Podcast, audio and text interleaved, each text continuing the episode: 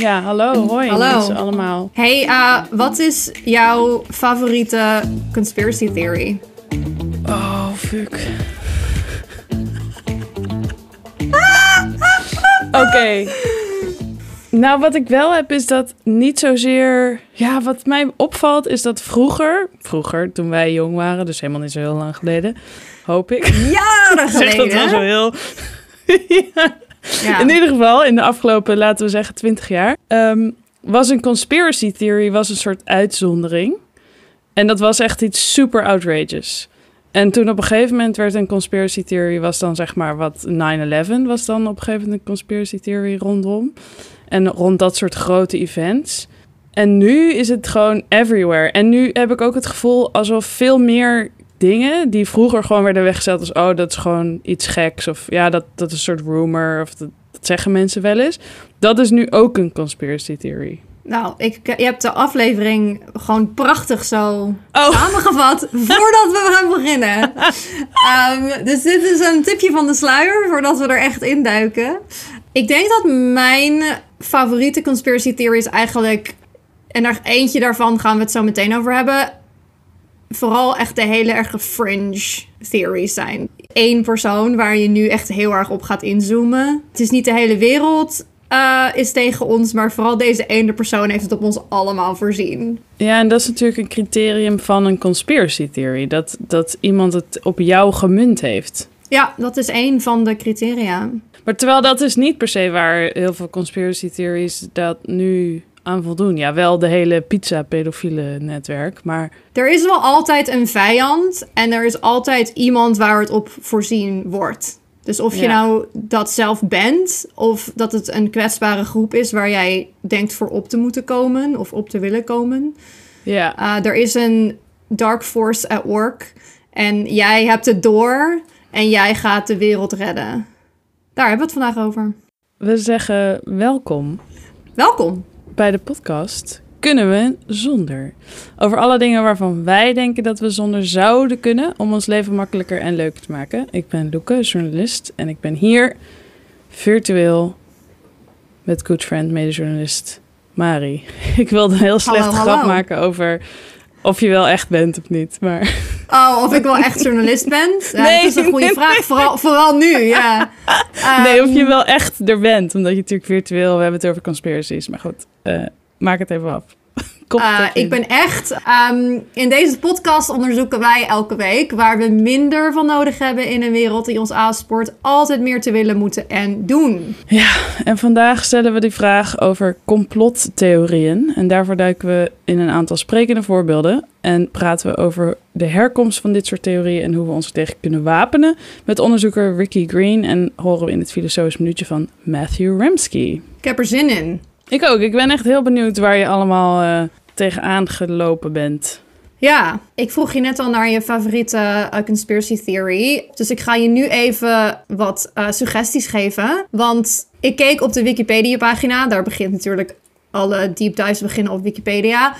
over conspiracy theories. En die pagina is zo lang. Wacht, even een conspiracy theory over Wikipedia, wat ik trouwens laatst Oh. las. Dat niet zozeer een complottheorie, maar meer... Wikipedia wordt natuurlijk altijd weggezet als... Ja, je moet echt niet je informatie Wikipedia halen, want dan ben je een loser en dan doe je je opdracht slecht of zo. Dat is de luie, de luie research. Maar toen had iemand laatst had iets gepost op Instagram over dat dat dus eigenlijk nergens op slaat, omdat Wikipedia heel goed in de gaten wordt gehouden. En zodra er eigenlijk iets slechts op staat of iets wat niet klopt, wordt het echt binnen een paar uur of een paar dagen veranderd. Wikipedia is best wel goed, eh, houdt zichzelf best wel goed in stand inderdaad. Dus wat ze ons leerden op de school van journalistiek over Wikipedia. Ja. Is dat dan een complottheorie of gewoon een soort... Hoe noem je dat? Dat heeft vast ook een naam. Ik denk dat een complottheorie meer, meer is van Wikipedia is erop uit om, eh, Ja. om ons te vernietigen. Of om ons met misinformatie kapot te ja, maken. je of hebt helemaal gelijk. Maar op de Wikipedia-pagina over conspiracy theories eh, staan dus allemaal kopjes. En daaronder staan alle verschillende conspiracy theories per categorie. Met onder aviation, onder meer chemtrails en de omstandigheden rond het neerstorten van meerdere vluchten, waaronder MH17. Onder economie en samenleving, de nieuwe wereldorde en de vrijmetselaren. Onder conflict en government, de Illuminati natuurlijk, 9-11, de afkomst van Barack Obama, de deep state. Onder medicine, heel erg uh, actueel met COVID. Artificial diseases. Dus dat geheime diensten als de KGB bijvoorbeeld HIV hebben gemaakt in een lab. Of dat COVID uit een lab komt. Maar Ja. ook onder medicine, vaccinaties. Science and technology. Dat de aarde plat zou zijn. Dat het weer gecontroleerd wordt door een lab ergens. Of een ehm, nou ja, persoon. Uh, dat iemand aan het touwtjes van het weer trekt. Uh, en in sport, en dit wist ik echt totaal niet. Er staat een hele samenzweringstheorie over Ronaldo en de wereldbeker van 1998. En uh, andere categorieën zijn natuurlijk assassinations en geboortes slash de dood van beroemdheden. Bijvoorbeeld, uh, Tupac eh, leeft nog. ja, Elvis is gespot. Elvis is gespot. Um, hoe dan ook, als je iets met zekerheid kan zeggen over conspiracy theories, is dat ze werkelijk overal te vinden zijn. En dat er in iedere categorie van ons bestaan Zit er één. meerdere conspiracy the- theories te vinden zijn. En is er een complottheorie die jij gelooft? Of waarvan je denkt, hmm, Uh, misschien? Nee. Nee? Denk Geen niet. Nou, kijk, het is natuurlijk... De wereld is heel ingewikkeld. Dus het is heel verleidelijk soms, denk ik, om te denken van... Oh, dit is... Of de wereld is ingewikkeld en de wereld is heel oneerlijk en vreed. Mhm. Klinkt heel erg dramatisch. En daar gaan we het later ook nog heb- over hebben met Ricky Green. Maar het is een manier om de wereld een soort van verteerbaarder te maken. Of begrijpelijker, denk ik vaak. Ja, terwijl sommige dingen zijn, als het zeg maar bijvoorbeeld inderdaad over assassinations en over eh, grote ontploffingen en aanslagen en dingen gaan, dan is het natuurlijk ook zo dat er een heleboel informatie niet wordt gegeven. Om goede en om Ja. minder goede redenen. Sommige redenen zijn gewoon omdat ze nog in onderzoek zijn, omdat ze hun onderzoek niet in gevaar willen brengen. Andere redenen zijn misschien corruptie en eigen belangen. Weet je wel, er zijn natuurlijk allerlei redenen waarom je informatie niet geeft. Ja, vliegtuigmaatschappijen die niet willen dat precieze omstandigheden van een crash naar buiten komen. Dus, dus Ja. van dat soort complottheorieën, waar dan inderdaad niet.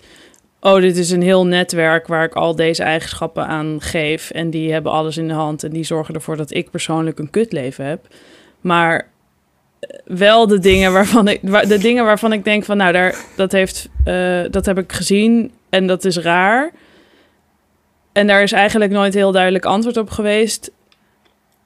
Dan heb ik soms, niet allemaal, maar dan heb ik soms wel bij dat soort complottheorieën dat ik denk van, nou ja, dat, waarom zou dat niet kunnen of zo zijn? Ja, maar ik denk dat bij conspiracy theories ook belangrijk is om te bedenken dat het heel vaak juist gaat om dingen waarvan je wel gewoon feitelijk kan opzoeken wat er gebeurd is. Ook al is het misschien moeilijk te geloven of misschien is het moeilijk om te begrijpen of Ja, te nee, maar Het accepteren. complot is natuurlijk, die informatie is of niet beschikbaar of vervalst. Dat is natuurlijk waar een complottheorie op gebaseerd is. Ja, maar de complottheorie snijdt de pas sowieso af van de wetenschap. Want waarom zou ik de mainstream wetenschap geloven? Of waarom zou ik de feiten geloven? Of waarom zou ik, als ik het google, klikken op de link van de BBC of The Guardian... als ik het ook op Reddit kan lezen waar, het wel, waar wel de waarheid staat? Tussen aanhalingstekens. Dus als je sowieso al mainstream bronnen niet gelooft of wantrouwt... dan is het al heel moeilijk, wordt het echt extreem moeilijk... om dan vervolgens nog door te dringen tot de persoon die dit toch al gelooft. Ehm, ik wil je even wat sturen om te kijken. The best explanation for the moon is observational error. The moon doesn't exist, that scientist said. Another one from NASA. It seems easier to explain the non existence of the moon than its existence. And then we get the hollow moon. This is what I'm saying, and others have said, is that it's a hollowed out planetoid. Nou, dit is David Ick. En ehm, be- is heel erg bekend in conspiracy eh, kringen. Voormalig profvoetballer en sportcommentator en tegenwoordig fulltime peddler of conspiracy theories. Ehm, en eh, nou ja, hij heeft dus deze theorie ehm, dat de maan een ruimteschip is, bestuurd door aliens. Uh, Oké. en wat ik zo fascinerend vind aan dit filmpje is dat het eigenlijk perfect aantoont hoe informatie gemanipuleerd kan worden. En je eigenlijk, als je iemand op een podium zet met een projector, uh, kan je eigenlijk alles presenteren als de waarheid. Vind je van niet? Nee. Nee? Het ligt eraan hoe je, hoe je de informatie presenteert. Want in deze video bijvoorbeeld, uh, die we even in de show notes zullen zetten. Hij begint onschuldig genoeg met de wetenschap dat de maan flink veel groter is dan je zou verwachten. Nou, dat is een feit, wetenschappelijk gezien. Vervolgens quote hij heel snel allerlei wetenschappers en experts zonder context. Uh, en gaat hij van de grootte naar de maan, naar die banken van de ontstaansgeschiedenis van de maan, naar waar de maan van gemaakt is en hoe verdacht dit materiaal is. En concludeert hij dan vervolgens dat de maan hol is. En daarop voortbordurend, de maan beweegt vreemd, bijna alsof er hydraulische pompen in zitten. En het is eigenlijk is het veel aannemelijker dat de maan een eeuwenoud ruimteschip is. En dat gebeurt dus allemaal in, nou ja, zeven of acht minuten lang. Maar is dit aangekondigd van... Ik geef een, een lecture over waarom de maan niet is wat we denken dat het is? Of? Ik deed dit is een clipje uit een show van hem. Hij toert rond de wereld met zijn conspiracy Oh. show. Een comment van vijf jaar geleden. I don't believe in aliens, but I believe the moon is a hollow spaceship built by the same aliens I don't believe in. Dat is natuurlijk een grapje, maar ik vind het wel heel leuk. Ja. Wat ik vooral grappig vind, en misschien heb ik het dan helemaal niet goed gehoord, want ja, ik kijk dit dan toch een beetje met een half brein, omdat we ondertussen aan het opnemen zijn. Maar dat hij dus twee schijnbaar verschillende dingen quote over de maan van allebei NASA-wetenschappers. Dat ik denk, oké, wie moet ik dan van die twee dan geloven? Misschien moet ik het even nog een keer kijken hoor. The best explanation for the moon is observational error. The moon doesn't exist, that scientist said. Another one from NASA. It seems easier to explain the non existence of the moon than its existence. Nee, laat maar. Ik weet niet eens, ik snap niet wat hij zegt. Maar dat is het punt. ja. Dat je eigenlijk niet begrijpt wat er gebeurt. Want het gaat allemaal veel te snel. Je gelooft het misschien niet meteen. Ik, sta, ik geloof het ook niet meteen. Maar ik kan me wel voorstellen als ik dit kijk. En ik zou interesse hebben in het onderwerp. En ik heb sowieso al wantrouwen richting science. En vertrouwen richting Ja. David Icke. Dan kan ik me voorstellen als ik dit kijk. Dat ik denk. Oh, ja, ik keek er nog naar in de context van dat jij zegt... er hoeft maar iemand met een, met een projector op een podium te staan... en hij kan iets poneren als waarheid. Hij kan het wel poneren als waarheid... maar dat wil niet per se zeggen dat ik het geloof als waarheid. Maar ja. als je daar inderdaad zit met het, met het idee... Nee. hey, hij zegt zinnige dingen... en ik heb ook mijn twijfels over de maan... dan zou het wel eens zo kunnen zijn dat je dit inderdaad gelooft. Of ik heb sowieso mijn twijfels over alles. Ja, Want niks is zoals. Het is, dat is ook moeilijk hier aan natuurlijk. Is dat soms. En dat maakt het onderwerp zowel interessant als lastig. Is dat je hebt soms het gevoel dat mensen die zoiets geloven op een totaal andere. Nou ja, pun intended, planeet zitten.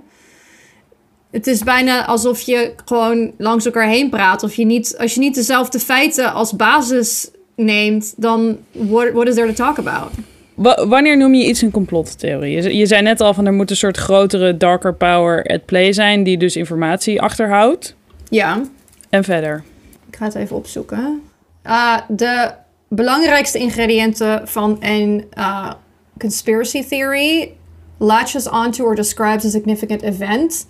Dus uh, Ja. legt uit, als het ware, wat er gebeurd is. En het moet wel echt een groot evenement zijn. Of een, het kan de maan zijn. De maan is natuurlijk geen evenement, maar de maan is een, een ding, een groot ding in onze Ja, wereld. wat iedereen kent en heeft ehm, gezien. ja, of een assassination, of een aanslag, of nou ja, iets in die trant. Ehm, en het is ook belangrijk voor een succesvolle conspiracy theory. Dus eentje waar we nu nog steeds met elkaar over praten, misschien als hij al een tijdje bestaat. Is dat hij een soort van, je kan hem verbinden aan bestaande conspiracy theories. Dus eh, de, de nieuwe netwerk. theorie ja, de nieuwe theorie is een soort van bewijs dat wat je al geloofde over eh, het geheime andere wereld die bestaat, dat is een soort van iedere nieuwe theorie bewijst dat de andere theorieën als het ware ook kloppen, snap je? En een complottheorie is altijd onwaar. Misschien, ik weet niet of de definitie betekent dat het altijd onwaar is, maar ik denk dat de manier waarop wij nadenken over complottheorieën, dat het eigenlijk wel vaak dingen zijn die bewijsbaar niet kloppen. Oké. Maar dat is ook iets eh, wat we inderdaad nog aan Ricky Green kunnen vragen. Twee is having an enemy to point at. Dus je moet iets hebben wat eh, Schuldig is. Ja, schuldig is of je kwaad wil doen. Of kwaad in de zin Mhm. heeft. En dan is er het social element. Dus there needs to be someone who is benefiting because they are conspiring. And then there is someone who is losing, who is being conspired against. En die laatste persoon is dan de persoon die gelooft in de theorie. Oké. Oké, David Ick, je kan dus zeggen, eh, laat die man lekker kletsen. Eh, hij heeft tientallen boeken geschreven en hij doet zijn theatertours. Nou ja, zwa. Maar dan, I present to you Pizzagate. Wat heel, eigenlijk best wel jolig klinkt. Je denkt, Ja, hmm, rare namen. Pizza. En even iets in je WhatsApp. A North Carolina man who fired an AR-15 rifle inside a pizza restaurant in Washington D.C. last year as he was investigating, quote unquote, a baseless conspiracy theory has been sentenced to four years in prison. Edgar Madison Welch pleaded guilty in March to federal charges of assault with a dangerous weapon and transporting a firearm over state lines. The case is seen as a clear example of the potential real world consequences of fake news stories. During the sentencing hearing Thursday, the U.S. District Judge stressed that Welch's actions literally left psychological wreckage, quote unquote. Ja, en voor wie zich Pizzagate niet kan herinneren of wie niet weet wat dat is. De e-mails van de campagne van Hillary Clinton lekten via Wikileaks uit in 2016. Eh, en daarin werd meerdere keren eh, gerefereerd naar een pizzarestaurant in Washington DC. Wat heet Comet Ping Pong. En toen die e-mails helemaal waren uitgelekt, toen ontstond op het internet het idee dat pizzarestaurant een soort dekmantel was voor eh, mensenhandel van jonge seksslaven. Dit zou dan plaatsvinden in dat pizzarestaurant Ja. in de kelder. En deze man, waar eh, we het dus nu over hebben, die is dus letterlijk naar Washington gegaan met wapens. En die is dus die pizzarestaurant binnengevallen. Om de kinderen te redden. Ja, om de kinderen te redden. Hij heeft de mensen die daar werken onder schot gehouden. Gelukkig is er verder niemand gewond geraakt. Ehm, hij eiste dat hij de kelder ehm, mocht zien. En wilde zien. En Luca weet volgens mij al wat er gaat komen. Maar het restaurant heeft geen kelder. There is no basement. ja, dat is wel eh, proven to be untrue. Or at least in that specific restaurant. Ja, eh, en het wordt ook gezien als een voorloper van QAnon. Ja. Dus het idee dat de democraten een soort van sex-child trafficking ring... ehm, Want van wanneer is dit stukje? Dit stukje is van NPR van volgens mij twee jaar geleden. Oké. Dus, en het geeft voor mij ook wel aan hoe, wat de rol die het internet speelt. Want deze man, eh, ja, die is dus vier jaar de cel ingegaan. En die maakte zijn beslissing om naar Washington te rijden. Dat hij drie dagen lang op internet eh, over dus die gelekte e-mails had gelezen. En hij had al die theorieën tot zich genomen. En toen Ja. dacht hij, ik moet iets doen. Ja. Ehm, dus dat is wel echt een interessant component, denk ik, van niet zozeer de theorieën zelf, maar de manier waarop ze zich eigenlijk sneller dan ooit volgens mij kunnen verspreiden. Ja, maar het gaat dus ook om niet alleen de verspreiding ervan, maar ook het lezen en het geloven. En vervolgens je, zeg maar, geroepen voelen om iets te doen. Ja.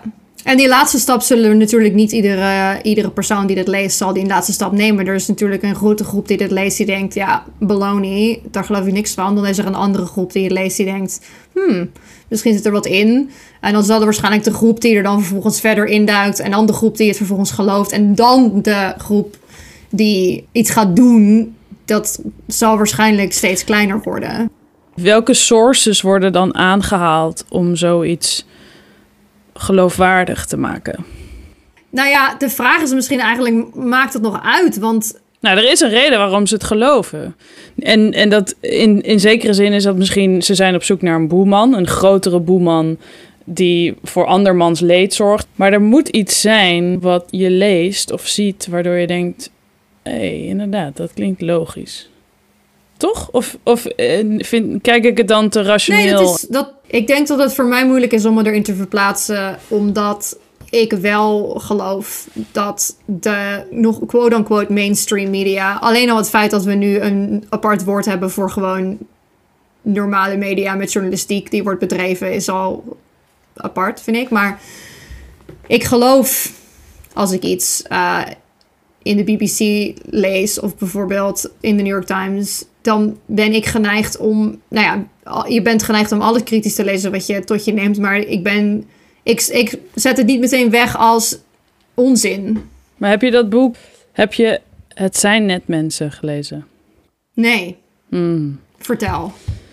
Ik heb dit heel lang geleden gelezen, dus ik kan niks quoten. Maar toen ik dat las, en dat ging dan, dat was een boek van Joris Luijendijk over zijn tijd als uh, correspondent in het Midden-Oosten. En nadat ik dat heb gelezen, kijk ik toch ook kritischer naar de quote-unquote mainstream media. Ik ga er niet vanuit dat ze liegen, maar ik heb in mijn periode aan de school ook heel veel onderzoek gedaan en heel veel dingen geschreven en uh, mensen gesproken over reality televisie. En de keuzes en de selectie en waar mhm. zet je je camera en je licht en je mhm. microfoon op, zeg maar, dat zorgt natuurlijk ook al voor heel veel uh, framing, om het zo maar even te zeggen. Sowieso. Maar ik raad het toch wel aan om dat boek maar, te lezen. Ja, nu je het zegt, dat is al een tijd geleden geschreven, ja. Nee, ik begrijp ook heel goed wat je zegt. En ik zeg ook niet dat we alles als waarheid aan moeten nemen. Maar ik bedoel meer, als jij zo'n conspiracy theory leest op een forum en je gaat vervolgens proberen op te zoeken of dat wel of niet klopt, dan zijn de bronnen die je zullen vertellen dat het niet klopt, dat zullen toch de mainstream media zijn. Die zeggen, oh, dit is hoe het echt zit. Dat vind ik een, een interessante discussie die nu in Nederland ook plaatsvindt, is wie mag er aan een talkshowtafel schuiven en hoeveel hebben zij nu echt te zeggen? Zijn het wel echt experts of hebben ze gewoon vaak genoeg hun mening verkondigd die lekkere soundbites oplevert, waardoor ze gewoon elke keer weer kunnen komen over een bepaald onderwerp? Sowieso. En dat, dat is ook natuurlijk een kwestie van, I guess, media scrutiny die we ja. moeten toepassen. Maar ik, als ik me indenk dat ik in mijn huis zit in North Carolina zoals deze man en ik zit blijkbaar in een soort van internet subcultuur waarin de theorie rondgaat dat in dit pizza restaurant uh, een sekskelder is. Als ik ga opzoeken, klopt dit of niet? En ik geloof sowieso al niet dat de New York Times mij de waarheid vertelt of wie dan ook. Die, kijk, het is een nieuwe nee, dat als zij zeggen dat het niet klopt, dan denk je, ja, tuurlijk ga jij zeggen dat het niet klopt. Ja. ja. Bovendien, het is een nieuwe theorie. Dus het is niet alsof ik twintig jaar lang geschiedenis uh, in kan duiken van uh, berichtgeving. Om te kijken van, oh, oh, iemand zegt dat een maan niet uh, bestaat. Nou, wat zeiden onderzoekers daar in 1970 over? Nee, dit is een compleet nieuw informatieding waar we nog niet, veel, niet genoeg van weten. En dat is misschien ook wat het zo bevattelijk maakt voor complottheorie.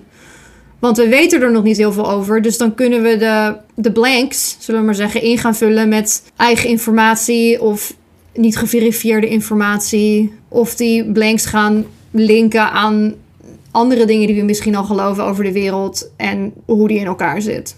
Ja, maar dit is natuurlijk wel eentje die inderdaad heel groot is geworden. Ja, deze is heel groot geworden. En um, even voor context: uh, Pew Research deed onderzoek in juni 2020 mhm. naar uh, de complottheorie dat de coronapandemie uh, gepland is door een soort machtige geheime elite. Mm -hmm. En 71% van de ondervraagden was op de hoogte van deze theorie. Yeah. 20% van de ondervraagden dacht dat het waarschijnlijk is dat dit klopt. En 5% vond het onomstotelijk vaststaan dat het klopt. Dus dat is een kwart van de ondervraagden. Hmm. En hoeveel werden er ondervraagd? Er zijn 9654 mensen ondervraagd. Oké. Ik vond het best veel. Ja. Dan heb ik een derde fragmentje voor je. Om het even het cirkeltje af te maken waar je eigenlijk aan, helemaal aan het begin van de aflevering mee begon. Want we zijn dus gegaan van, kijk, een crazy conspiracy theory naar, oh, deze conspiracy theory heeft uh, real world consequences. We all know a conspiracy theorist from the days before Twitter or Facebook. And those people were sort of isolated and shunned, and everybody felt like they had their number. But with social media and the internet, they find each other why the Bush crime family and the CIA. And they can push that message to millions of people. You know why the big CFR... Dus dit is uh, een PBS Frontline documentaire, uh, dus van de Public Broadcasting mm in de Verenigde Staten. Uh, hij kwam in 2020 uit, maar hij heeft een update gekregen naar aanleiding van de bestorming van het Capitool mm. in januari 2021. Uh, en deze documentaire gaat over de manier waarop conspiracy theories en vooral radiopersonage Alex Jones uh, Donald Trump uh, dus mede het Witte Huis in hebben geholpen. Mm. We gaan van crazy theory naar... Naar mensen die het geloven in een bubbel en denken dat dat de waarheid is. Ja, en daar, uit- uiteindelijk hadden we dus vier jaar lang een president. We mensen hier in de VS. Eh, die regelmatig samenzweringstheorieën retweeten. En Ja. met klap op de vuurpaal natuurlijk de theorie die leidde tot de bestor- bestorming van het kapitool. Namelijk dat de hele verkiezingen Doorgestoken kaart waren. Dus het was een soort van grand finale. Voelde het, zo voelde het een beetje voor mij. Daarom is het ook leuk dat we nu dus deze aflevering doen. Het voelde als een soort grand finale van de conspiracy theory. Maar ook omdat we dus vaak geneigd zijn om te zeggen van... oh ja, eh, die complottheorieën, weet je wel. Wie denkt er nou dat de maan hol is? Maar het kan dus wel echt grote gevolgen hebben. Wat je gelooft en waarom je dat gelooft. En hoe je dat geloof dan vervolgens omzet in actie of daden.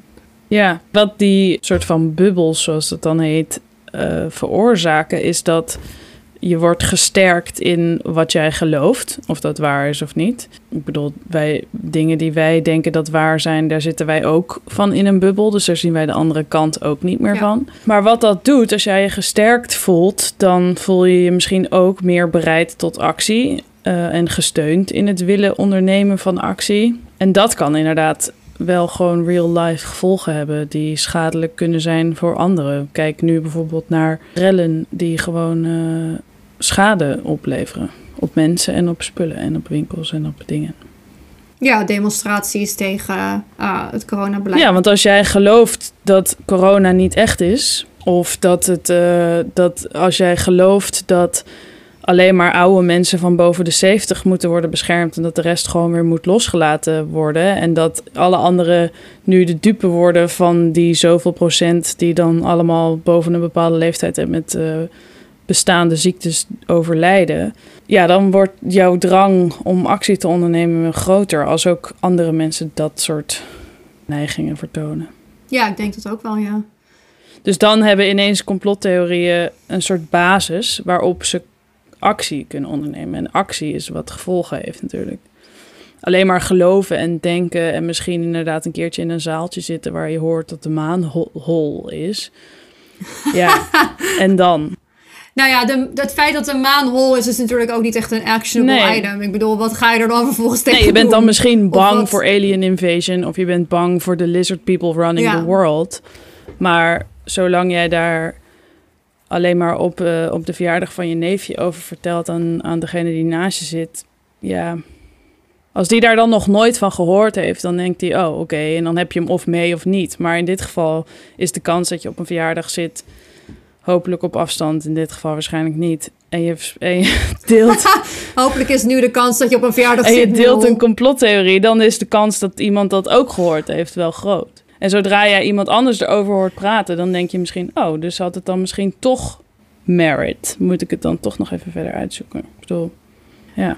Nou, complottheorieën verspreiden zich dus pre-internet. Vooral van Ja. mens tot mens. Je moest maar net iemand, zoals jij net ook zegt, tegen het lijf lopen. Die Hetzelfde dacht eh, wij. hetzelfde dacht. Ik weet echt nog heel goed dat ik vroeger complottheorieën echt gewoon zo, nou ja, niet tof of zo, maar wel echt zo Ja. fascinerend vond. En ook, Ja, vroeger was het fascinerend en nu is het eng. Omdat je weet, zeg maar, ja, het heeft meer kans tot actie. Omdat de groepen misschien groter worden die elkaar weten te vinden. En dan nog hoeft de groep niet eens zo groot te zijn. Als ze maar actie ondernemen, dan wordt het ineens eh, spannend.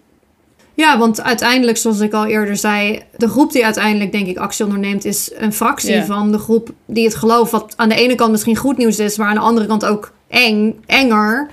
Want hoewel misschien niet al die mensen bereid zijn tot actie, zijn er dus wel heel veel meer mensen dan we bijvoorbeeld bij het Capitool zagen. Zijn er wel heel veel meer mensen die het misschien niet naar Washington zijn afgereisd, maar die alsnog juichend televisie zaten te kijken. Oeh. Het is wel een uitdaging, denk ik. Ook voor misschien juist voor ons om over na te denken, omdat we zo bezig zijn met informatie en informatie over. Hoe haal je het uit de wereld? Hoe maak je dat mensen die nu zo sterk geloven in bepaalde theorieën die ervoor zorgen dat zij denken dat ze het kapitool moeten bestormen en iedereen moet aanvallen en foto's moeten maken van geheime documenten en mensen moeten bedreigen en nootjes, notes moeten achterlaten in iemands kantoor. Hoe zorg je ervoor dat die mensen weer naar andere kanten willen luisteren en dingen willen horen die niet passen bij wat zij nu geloven? Dat, dat vind ik Ja, ingewikkeld. Is het. Kunnen we dat aan eh, Ricky vragen? Ja, laten we het even aan Ricky vragen. Yes. Dus om meer inzicht te krijgen in het hoe en waarom van geloof in complotten en hoe we er ook wellicht vanaf kunnen, uh, spraken we met Ricky Green. Hij is wetenschapper aan de School of Psychology aan de University of Kent in Groot-Brittannië en hij doet onderzoek naar zowel de herkomst als de aantrekkingskracht van complottheorieën. They, they normally are born from like some sort of uh, significant societal event. like you think of like 9-11 the current pandemic that we're in as well. Economic crashes. When princess diana died as well. So yeah they're really born from these like significant events that normally like provoke anxiety. And a lot of them also have like a kernel of truth in them as well. And i think that's what kind of can make them successful. So if you think of like 9-11 a lot of people say it's like a false flag operation and there is like uh, there is reports of like false flag operations that have been proposed by the us in the past that haven't been carried out. Although there was one, I believe, like in, before the Vietnam War, uh, as a pretext to go into war with Vietnam. I think three Vietnam uh, ships did attack a US ship, and this did happen. But then they uh, reported two days later that they got hit again, and it's on record from people that are in charge in that time that this this never happened. So that is like mm. a false flag operation. Um, so you know, there's this kind of the truth is really what kind of can make us conspiracy theory successful. Sometimes I think you know when they you can look back on past stuff that maybe the US has done, and and then they can say, well, if they've done it before, then you know it's likely they've done it again, right? So are conspiracy theories always are they always untrue? Um, well, no. I mean, the conspiracy theories can be disproved, but you know whether it depends on whether someone will accept the evidence, you know, or the or the debunking and, and things like that. So it's not like every uh, conspiracy theory has to have like a kernel of truth in it, but ones that do, like uh, with false flag operations, um, and then you can connect that to like a 9/11 conspiracy theory, then it just helps it to stay alive and and successful.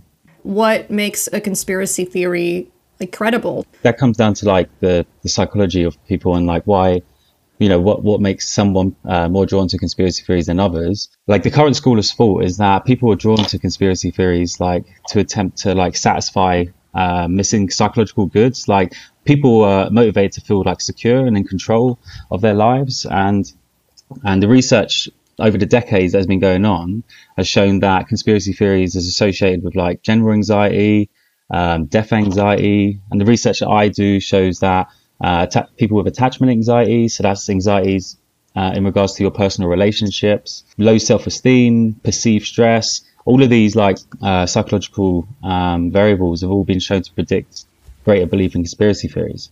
So I think why would someone be drawn? Why, why would someone be drawn to them? Is because of these reasons.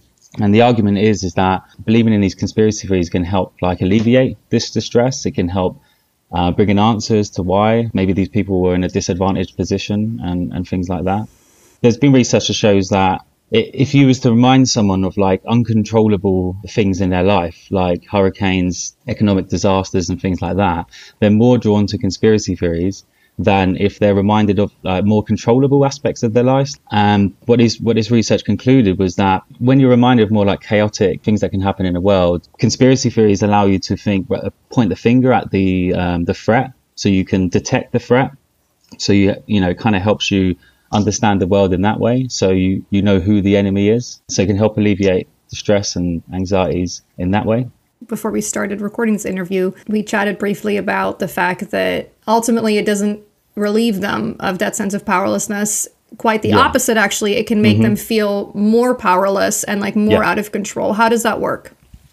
Yeah so it's kind of like a uh, a loop. Like um you know if you may be drawn to conspiracy theories because you have anxieties or or for whatever reason and they just appeal to you but then conspiracy theories themselves are like a, a threat in themselves. They could just continue the threat. Like there's a, a secret powerful powerful group out there and so it can just lead to even more feelings of like you know anxiety and feelings of powerlessness. So it just kind of goes around in that in that loop. One of the most consistent findings in literature of whether someone will believe in one conspiracy theory is whether they believe in another. So what that says is is that you know if you someone who believes in one conspiracy theory is likely to believe in another one and then you know another one. And that's what we find as well. You could you could throw um, you know in the questionnaires that we do you could have lists of all different types of conspiracy theories but as soon as someone like tends to score high on one of them then they tend to score high on all of them. So they have like you know what what's kind of called a conspiracy mindset.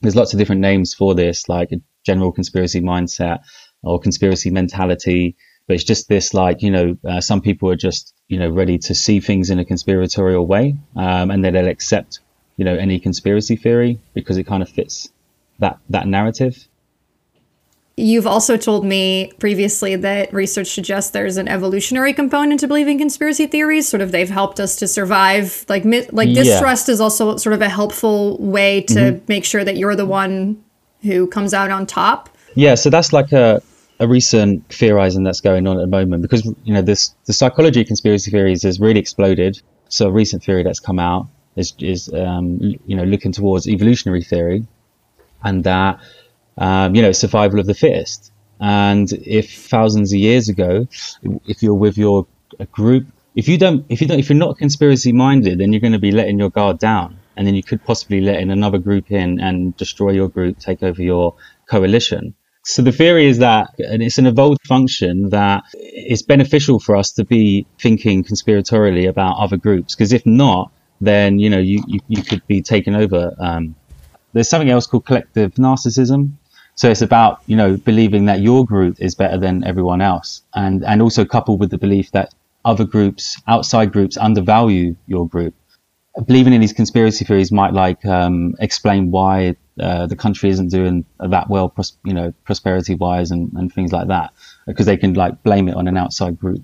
But do you think that conspiracy theories now, uh, maybe also because of the internet and how quickly they can spread, are maybe scarier or more dangerous yeah. than they were? Yeah, yeah, I'd say that they're, they're probably a bit more dangerous now. They're you know m- much more easier to to see and um, you know, I talk about significant events um, making conspiracy theories come alive, but you know, there's another element to it as well. It's not just events, but like people. It's people who yeah, start them basically. Someone has to come up with this this theory to begin with, and I think what's what we have now, which wasn't about maybe in the '60s, is the conspiracy conspiracy entrepreneurs. There's actually people that are making you know money out of this. There's a market for it what if someone next to me or someone close to me believes that? Like what what can i do? What should i do? What shouldn't i do? Yeah um it's hard. It's a tough one. I think there's a lot of research going into that at the moment because that's a question which like a lot of people would like an answer to. Um, and it, it, depends what, what your aim is. Are are you saying like would you want to change these beliefs well, ideally, I think as we're looking at these theories, like how can we decrease risk, like to public health or to public safety? It's a big question, and it's a really tough one as well. We know that there's consequences, like evidenced in the Capitol Hill attack, but also in evidence in that, yeah, there is reduced vaccination intentions, uh, like less engagement in politics and and also like this hasn't been researched but even relationships like they're detrimental to to people's relationships you know as you're saying like you're asking you know how can you how can you speak to someone whether it's a friend maybe or or a family member? Um you know that that's there's another consequence in itself. Like it's it's, it's causing problems in in relationships. It's hard to like tackle the beliefs directly. Don't kind of want to give up on someone uh, and just let them carry on especially if you think it's going to get to you know serious consequence. There's a paper out recently what's the best ways to to deal with these conspiracy theories and like you know trying to undo people's beliefs is really difficult. And so it's like I, i'd suggest maybe not going with that tact of trying to say why these things aren't true. Definitely try and get them to think critically you know try and always offer them other evidence and you know things that are against the conspiracy theory. But the conclusion from this paper is like more of like a review. Said that you know you're best off tackling the psychological issues that people have instead of the beliefs because as we're saying, you know, it's people that are feeling that uh, that people have anxieties and stress and things like that that are drawn to conspiracy theories. So it may be best to like deal with them problems first, and then maybe people will not need to feel the need to, you know, to be drawn to conspiracy theories. Because a lot of the people that are really drawn into them, you know, it's part of their life. They're probably checking out conspiracy theories every day and talking to their conspiracy theorist friends and things like that. So, you know, maybe if they had something else, then that could probably be the thing that would help it. I, if people feel good about themselves and you know they haven't got worries and things like that, then they just probably don't seem that appealing. If you don't believe that anything is true other than the thing that you believe, how do you overcome that? Well, just keep trying. um, you know when I think about this? You know what we're what we're talking about now. Like, how can we get someone to get out of conspiracy thinking, you know, especially if there's consequences to them? How can you undo that? And I don't know. truthfully, I mean, I think that that's where research really needs to like up itself. Really, is to so I can actually try and give you better answers to, to, to these important questions. The best thing you can do is just try and tackle, uh, you know, try and help your friend or family or whatever it is in other ways first, you know, to get them out of this um, like conspiracy thinking mindset. Heel erg bedankt, Ricky. Ja. En we zullen in de show notes ook even linken naar zijn research, want die is echt heel interessant. En dan racen we alweer door naar het filosofische minuutje met deze keer schrijver en onderzoeker Matthew Ramsky. Matthew raakte zelf ooit in een secte verzeild en schrijft inmiddels al jaren over misbruik en machtsmisbruik in spirituele gemeenschappen. Hoe complottheorieën in dat plaatje passen hoor je in zijn podcast Conspirituality. Nou, we hebben in deze aflevering natuurlijk al gehad over de rol die sociale media spelen in het verspreiden van conspiracies. En taalgebruik is daarbij ook heel belangrijk. Je ziet bepaalde termen namelijk vaak rond complottheorieën opduiken, zoals connect the dots, follow the money, truth seeker. Je zou namelijk zeggen dat we dat allemaal zijn, maar volgens Matthew is het juist heel belangrijk dat we ons ervan bewust zijn hoe dit soort termen gebruikt worden en wat voor ideeën erachter zitten. In general to see that when a term like truth seeker is used or light worker is used, that the word is always capitalized, which confers upon it a kind of elevated meaning that can't really be questioned or defined uh, and doesn't have anything to do with you know going through a process of peer reviewed research or you know publishing something in a paper that would be fact checked or something like that. The truth that's being referred to in that kind of jargon is an internal intuitive truth. And that's why it can't really be argued with. It can't be parsed. It can't be bullet pointed it's always going to be sort of vaguely out beyond the horizon of understanding. And that's what makes it so special. It's not going to actually refer to anything in the real world if we're talking about, you know, how COVID 19 is actually transmissible or how the new variant is working or, you know, whether it's aerosolized or not. Uh, that's not the kind of truth that the capital T truth seeker is talking about. What they're talking about is the adoption of a kind of vision of human life that is metaphysical and uh, embarking upon some transcendental narrative. Um, so the details, the actual materials of science, which are the materials of life and death, which are what most people are actually worried about, uh, those are buried beneath this kind of vague, deepity laden jargon that that is kind of pointing to uh, a feeling, an emotion of transcendence rather than anything on the ground.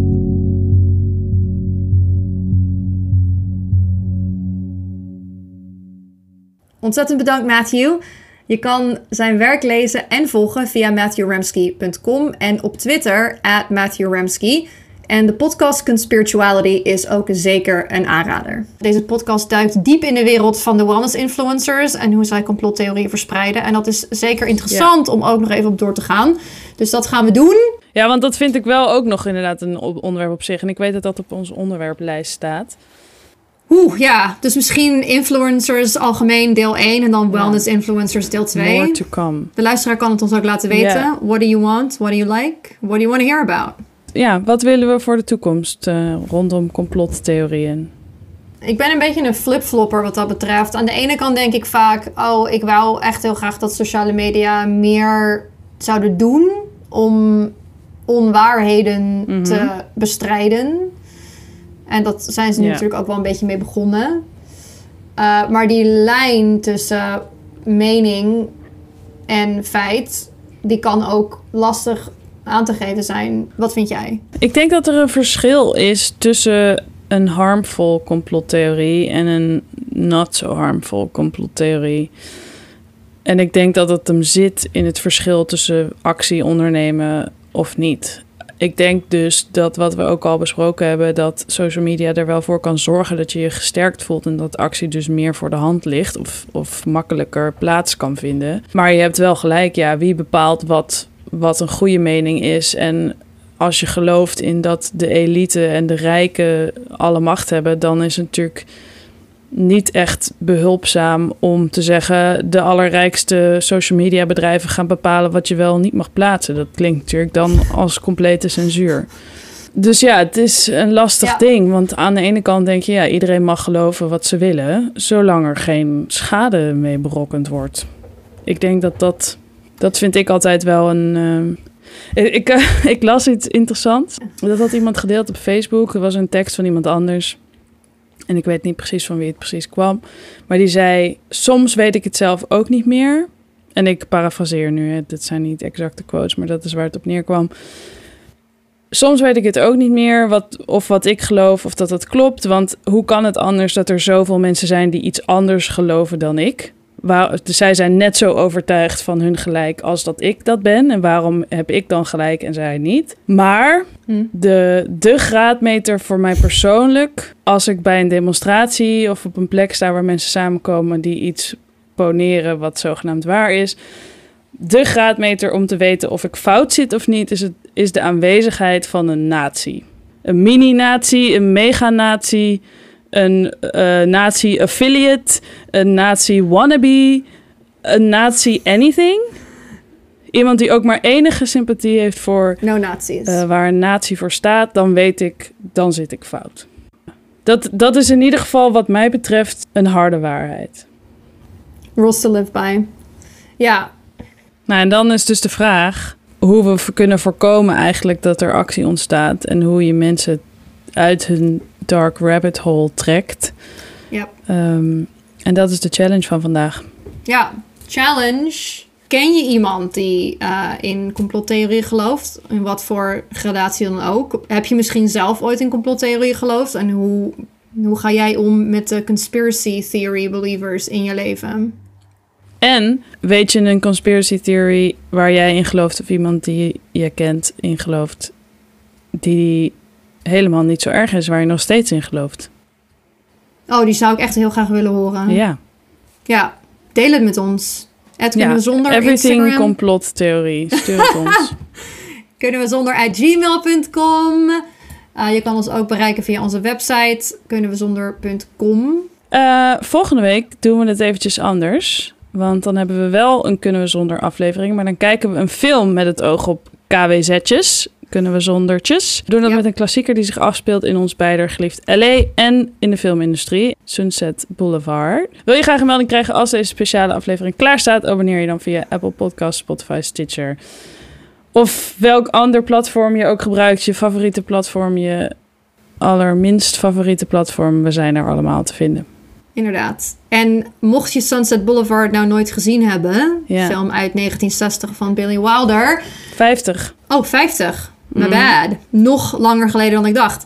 Dan kan je hem gaan kijken deze week. En dan, Ben je helemaal bij als wij het erover hebben? Dan hebben we dan no je spoilers. volgende week mee naar onze kijkervaring. Dus misschien leuk om eigenlijk op afstand virtueel samen met ons een film te kijken. Ja. Doe mee. Dan eh, hoef je ook niet, niet te luisteren en bang te zijn voor spoilers, want dan heb je, weet je het al. Dan heb je gezien wat wij hebben gezien. Ja. Spoiler. Het is een spoiler-free zone. Want Ja. Loeke, Dankjewel. respecting that boundary. Ja. Geen spoilers.